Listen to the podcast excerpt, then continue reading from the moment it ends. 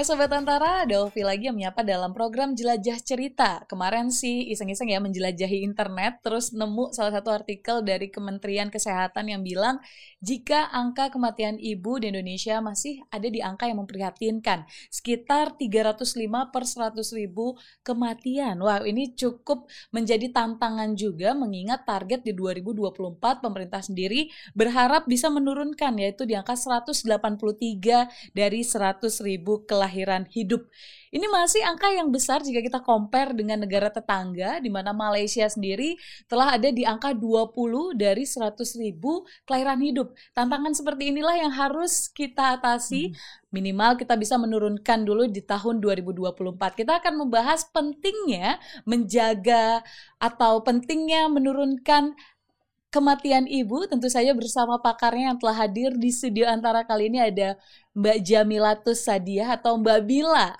Halo. Uh, senang banget ada Mbak Mila di Senang sini. banget, thank you Mbak Ovi dan Antara udah undang mm -mm. karena memang topiknya menarik banget sih. Betul. Mm. Ini penting sekali karena 9 bulan dianggap ketika seorang ibu mm. mengandung sering kali padahal sebelum-sebelumnya itu abai dari mm fase persiapan atau menjelang kelahiran dan ini menjadi tantangan yang bukan hanya pemerintah ya kita Betul. yang ada di masyarakat juga harus aware terhadap hal itu. Nah, Mbak Mila sebagai hmm. seorang bidan yang memang sudah melakoni nih atau hmm. bisa dibilang makanan sehari-harinya lah ya. Di tengah kecanggihan teknologi, hmm. lalu juga perkembangan informasi yang sangat pesat masihkah Mbak Mila sering menemukan uh, kondisi atau pasien misalnya yang ternyata datang sudah dengan keadaan bayinya dalam keadaan sakit atau seperti apa? Silahkan Mbak Mila. Hmm, sebenarnya kalau ngomongin angka kematian ibu, mm -hmm. kalau secara data memang Indonesia tuh masih didominasi oleh tiga hal nih, pendarahan pasca bersalin atau disebutnya hemoragik postpartum dan juga hipertensi, mm -hmm. gitu ya. Lalu ada infeksi selama kehamilan dan juga persalinan yang lama atau panjang. Hmm. Nah, ini sesuai juga dengan apa yang aku lakukan nih saat ini akhirnya bikin bumilpakmil.id hmm. namanya. Jadi itu kelas persiapan edukasi supaya ada awareness dari hamil. Gimana sih biar hamil itu sehat, hmm. nyaman dan minim trauma. Okay. Tapi programnya nggak hanya untuk ibu, tapi juga ayah. Karena okay. kalau di Indonesia ada budaya patriarki kan yeah, yang betul. menganggap bahwa hamil lahiran nyusu itu hanya tugas ibu. Akhirnya kita bikinlah bumil pamil. Jadi hmm. bukan ayahnya ikutan hamil gitu ya secara fisik, hmm. tapi secara energi, secara spiritual. Sebenarnya ayah ikutan hamil, ada perannya di situ gitu. Dan itu memang perlu disiapin secara holistik fisik, mental, spiritual agar melahirkannya tadi nyaman yeah. dan juga akhirnya nanti mengurangi angka kematian ibu betul, gitu karena awal dari cemas ya? betul oke okay, cemas sebelum kita bahas hmm. lebih banyak tentang bagaimana peran ayah yang hmm. harusnya terlibat mungkin ini sering kali biasa kalau kehamilan kan akan dikaitkan dengan uh, ibu apa apa ibu lah yang harus menjaga kesehatan dan lain-lain hmm. tapi sering kali sebenarnya ibu ini mungkin antara belum ada yang ngarahin hmm. sering kali biasanya di kehamilan pertama sering mendapatkan mitos-mitos dan akhirnya itu dipercaya dan membuat atau memperburuk kondisi persalinan atau seperti apa yang sering Mbak Mila temui di lapangan? Hmm, banyak banget nih mm -hmm. kalau ngomongin mitos gitu ya. Yeah, Dan yeah. itu semua segmen pendidikan menengah, bawah, atas, semua kalau konsul tuh ternyata masih banyak mitos di sekitar ya. Misalnya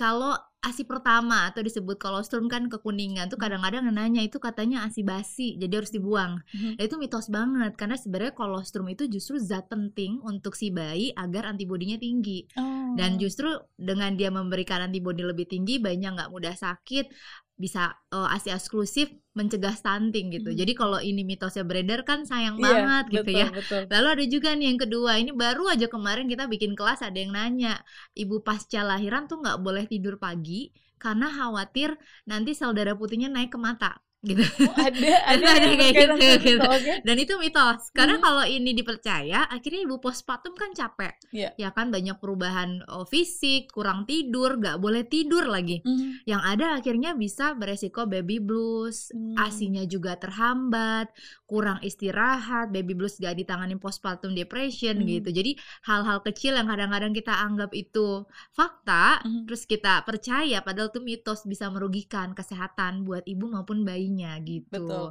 Wow, hmm. edukasi ini jadinya penting ya Banget. untuk melawan mitos-mitos yang ada. Betul. Akhirnya sekarang mungkin untuk pasangan-pasangan muda hmm. yang kalau kita lihat anak-anak milenial yang sudah hmm. mulai berkeluarga, mereka sangat peduli terhadap kesehatan janin. Mulailah Betul. akhirnya muncul uh, pendamping pada masa kehamilan. Nah, ini sebenarnya seberapa efektif akhirnya hadir pendamping pada masa kehamilan? Sangat efektif. Jadi hmm. kalau kita ngomongin profesi bidan, hmm. bahasa Indo bahasa Inggris itu midwife, pendamping perempuan.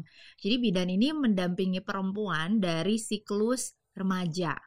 Jadi orang-orang yang mau hamil nih sebenarnya harus kita dampingin supaya nggak anemia. Mm-hmm. Karena banyak banget secara data remaja itu anemia. Kalau nggak ditangani tadi deh hamilnya anemia, terus ternyata bisa pendarahan pasca bersalin. Oh, ke Ketika ada pendarahan tadi ya. lagi mm-hmm. gitu. Mm-hmm. Yeah. Selain itu anemia beresiko stunting.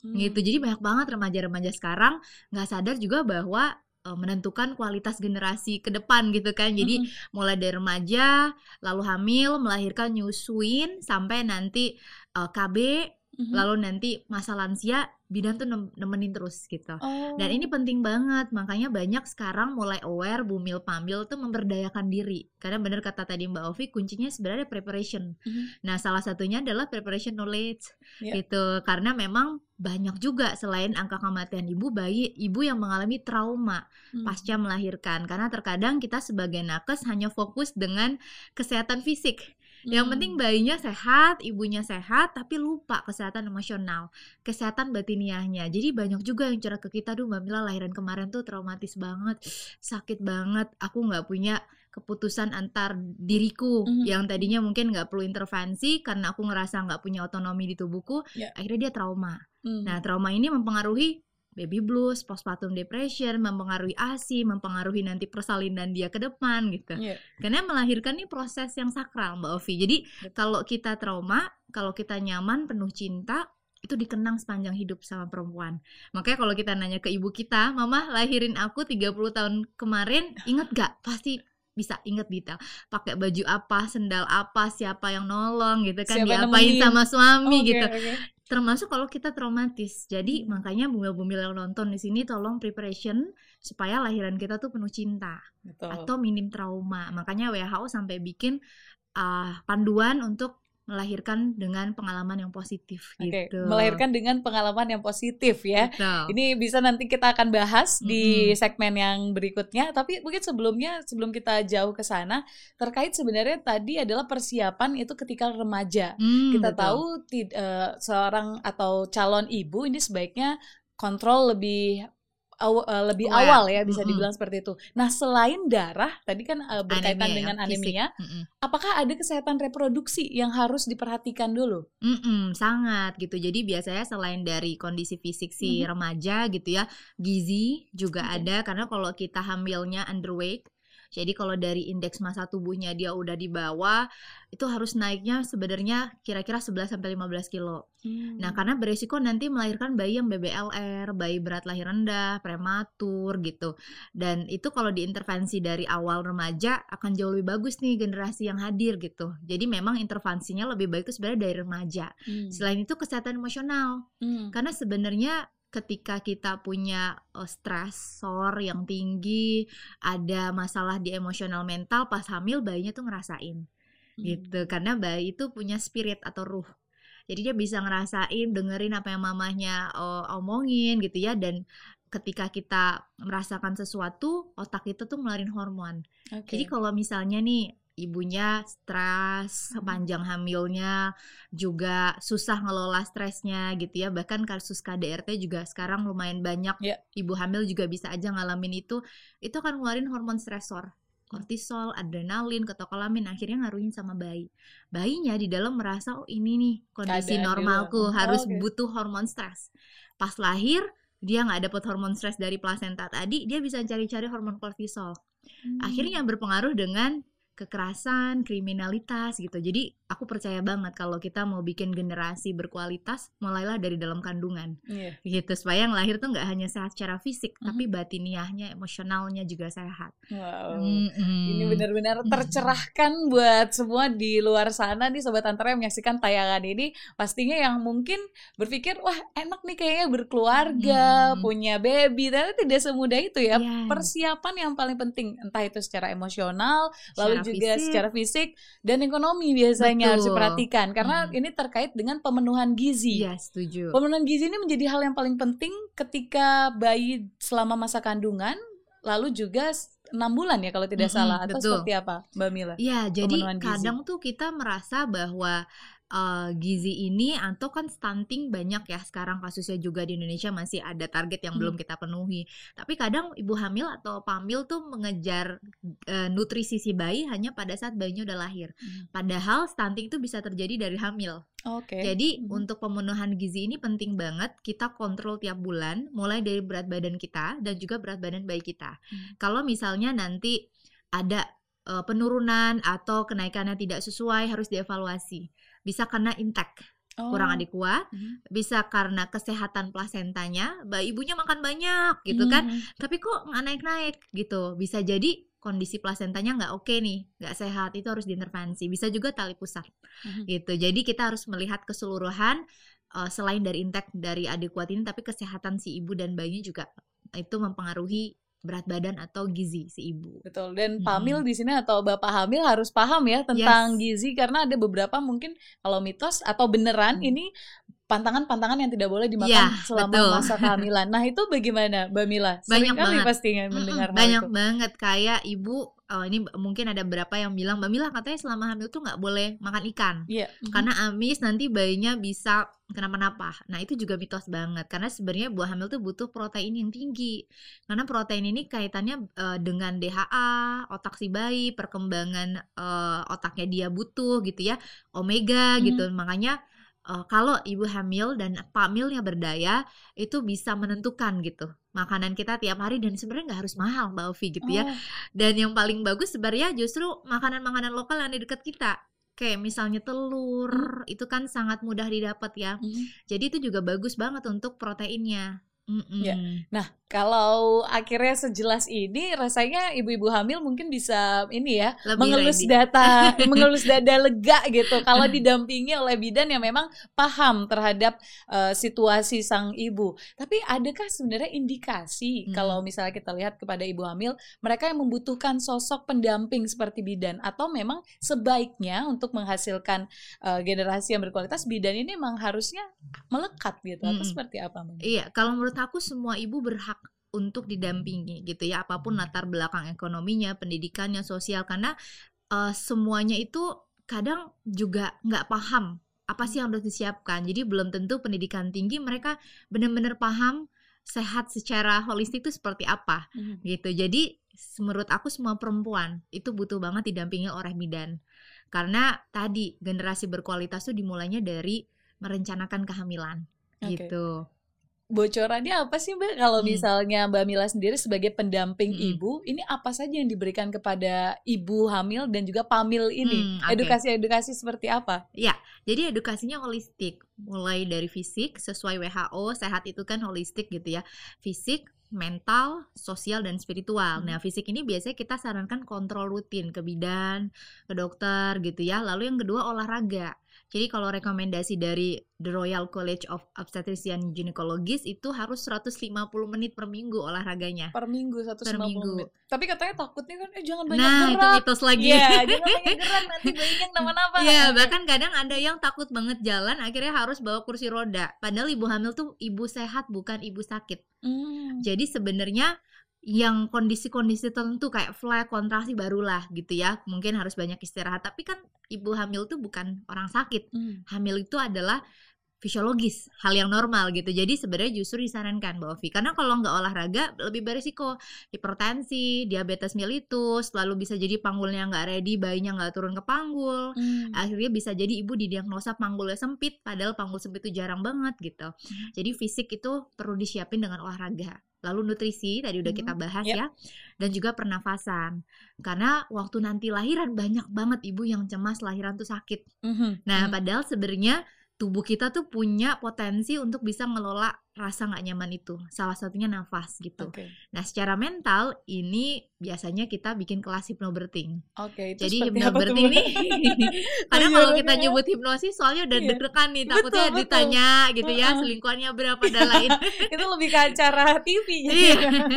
Jadi hipnosis ini metode untuk memprogram ulang pikiran bawah sadar kita hmm. dengan relaksasi. Karena banyak banget ibu hamil dapat informasi melahirkan mungkin sakit, menegangkan, hidup dan mati, harus teriak yeah. gitu ya karena yang kita tonton kayaknya harus seperti itu. Mm. Padahal sebenarnya melahirkan itu adalah peristiwa sakral, pertemuan kita pertama sama bayi kita, mm. peristiwa emosional gitu. Jadi kita di berarti mengubah mindset yang negatif agar lebih positif.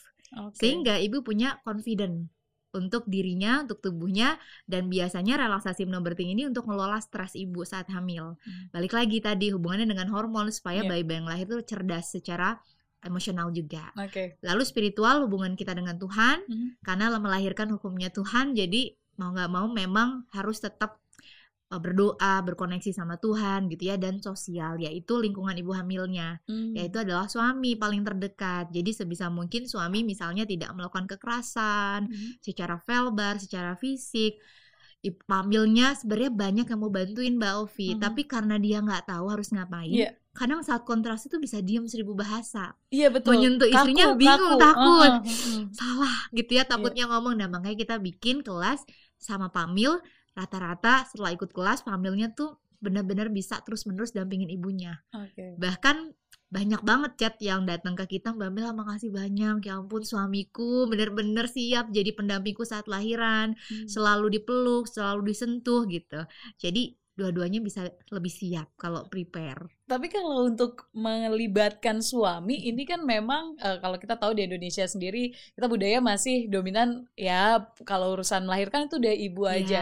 Bagaimana akhirnya seorang Mbak Mila nih yang hmm. ada di posisi bidan bisa menyentuh ke ranah atau melibatkan suami ini? Maksudnya itu kan pasti tantangan tersendiri. Iya, betul banget. Kita mulai biasanya dari kelas. Hmm. Nah, kelas-kelas ini yang kita berikan edukasi menyentuh emosional dan juga uh, dengan cara yang ranahnya tuh bisa memang buat si ayah ini hatinya terketuk gitu ya. Hmm. Jadi biasanya dari situ ada koneksi antara ibu dan ayahnya. Nah, rata-rata ayah yang masuk ke dalam kelas kita awalnya memang terpaksa. Oh. Entah tiba-tiba suruh bayar sama iya. istrinya. Yeah. Ditodong ya ikut gitu ya.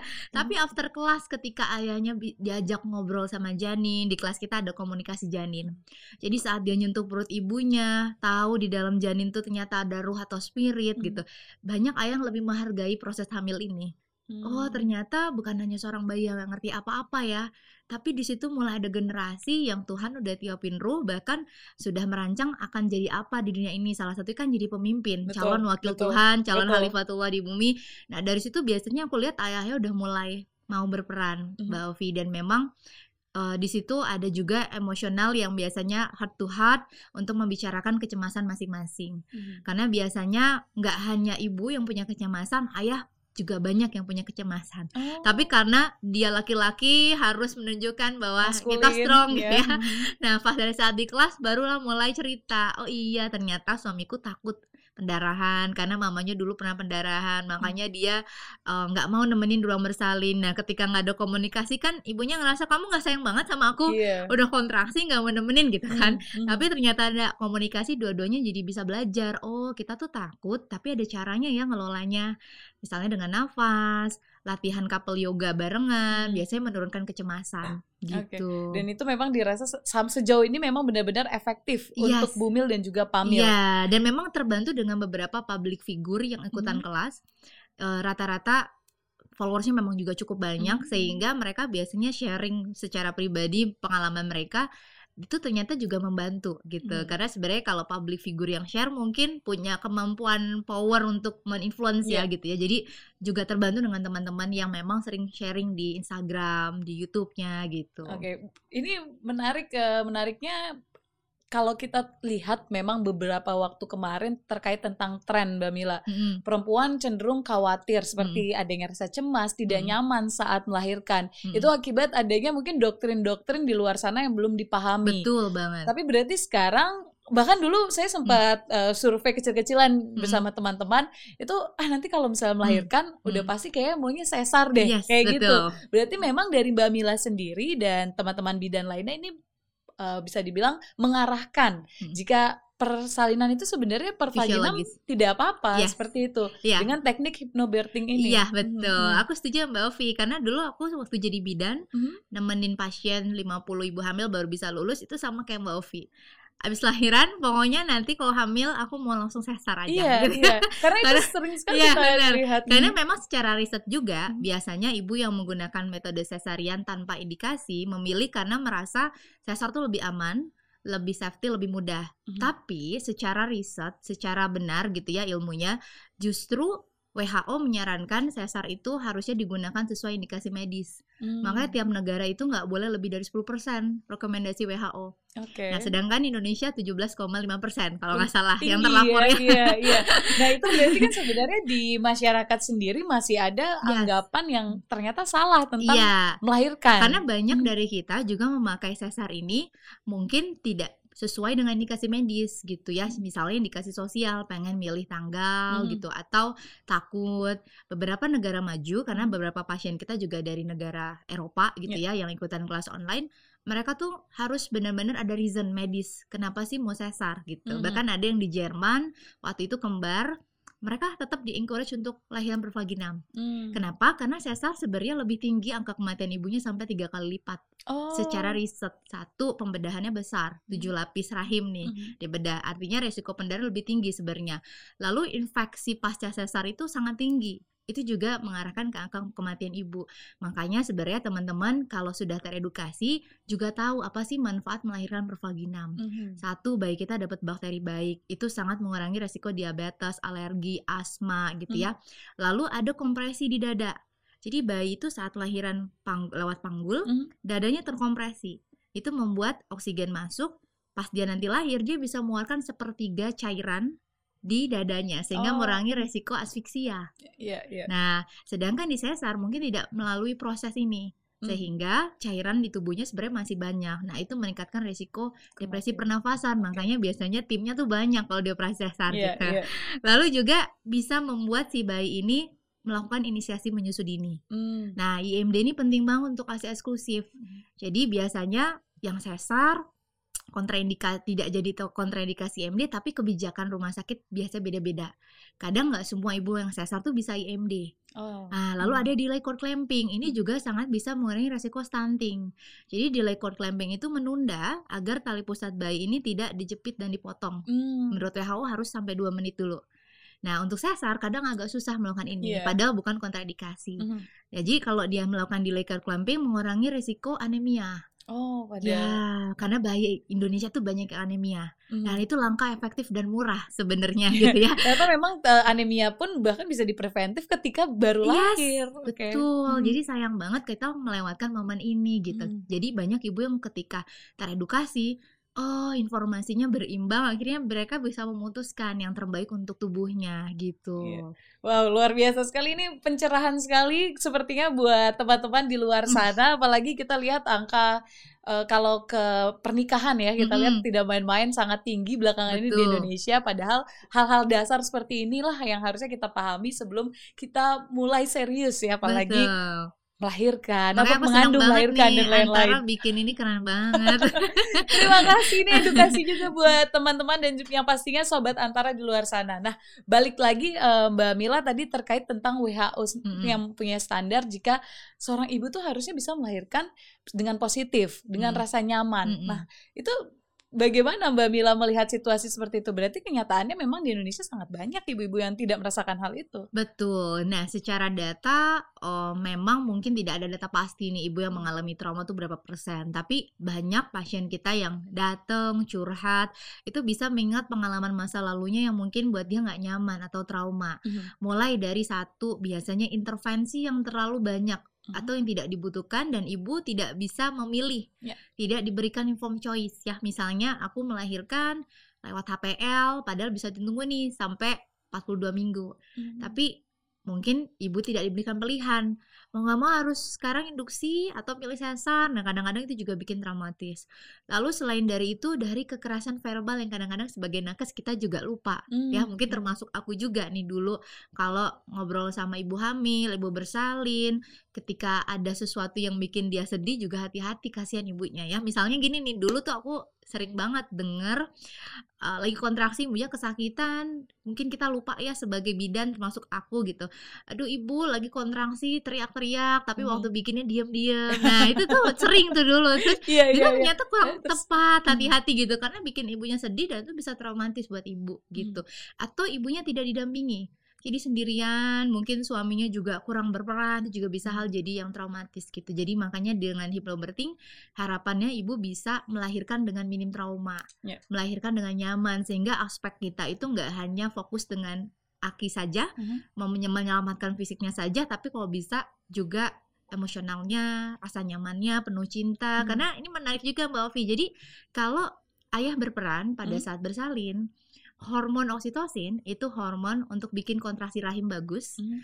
dan ini mencegah pendarahan kalau kontraksi rahim ya bagus ternyata hormon oksitosin ini ada waktu berhubungan seksual. Oh. Nah, itu pada saat ibu merasa orgasme. Kalau di berhubungan seksual, oksitosin itu untuk ngeluarin sperma. Mm -hmm. Jadi kalau kita belajar dari berhubungan seksual, biar oksitosin ibu tinggi, diapain sih? Ya, mm. dipeluk, hmm dicium, pegang tangannya, tatap matanya, I love you, mama udah berjuang, kamu hebat gitu ya. Dukungan-dukungan Dukungan, ya. berciuman, mm-hmm. sentuhan fisik, foreplay itu bikin oksitosin tinggi. Mm. Dan banyak pasien kita waktu bukaan tujuh bukan empat masih berpelukan berciuman gitu hmm. berdansa bahkan ada yang berhubungan seksual memang itu melancarkan persalinan hmm. karena oksitosinnya tinggi okay. nah kalau kita diinduksi yeah. isi obatnya tuh oksitosin oh. nah, di tubuh kita sebenarnya ada jadi Padahal kita banget. bisa buat yang manual ya kenapa yeah. harus disuntikin obat gitu dan ngomongin nyeri hmm, itu hmm. namanya endorfin yeah. jadi di tubuh kita ada hormon alami namanya endogenous morfin jadi ini morfin yang kalau cari di riset itu kekuatannya seribu kali lipat hmm. dibandingkan hmm. morfin buatan. Nah itu ada ketika kita orgasme. Okay. Kalau orgasme kan rasanya merinding, geli, keadilan listrik dari sindorfin. Jadi misalnya ayah nih hmm. peluk ibunya, cium ibunya, ibu orgasme, endorfinnya keluar, nyerinya berkurang. Hmm. Gitu. Lalu oksitosinnya naik.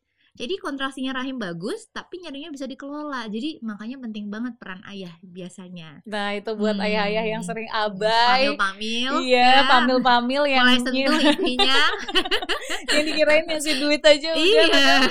Sebenarnya kehadiran ya yes. secara utuh di sebelah Betul. ibu yang akan mau bersalin atau menemani selama 9 bulan itu menjadi hal kunci dan utama. Betul banget. Hmm, Mbak Mila, ini obrolannya boleh ada episode 2, 3 dan boleh. 4 ya.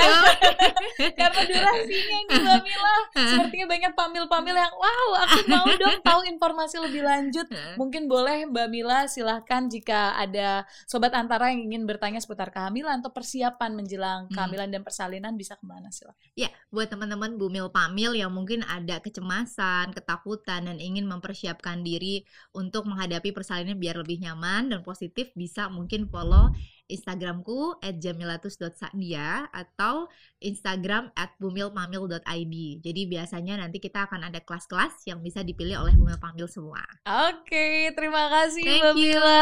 Obrolan yang menyenangkan dan pastinya mengedukasi karena tadi banyak sekali poin yang sudah kita bahas. Yang pertama terkait angka kematian ibu yang ternyata sebenarnya bisa dicegah sedini mungkin. Lalu juga poin kedua, bagaimana target kita menurunkan stunting ini adalah kolaborasi antara ibu dan juga ayah, tidak menelan mentah-mentah informasi yang salah, lalu juga memilih gizi yang seimbang untuk ibu dan yang terakhir bagaimana kita membuat rasa nyaman untuk ibu karena anak yang dikandung ini adalah pemimpin-pemimpin muda di luar sana Setuju. yang siap membangun Indonesia. Semoga obrolan ini bisa memberikan manfaat baru dan sampai jumpa di episode lainnya di podcast Antara. Bye. Thank you.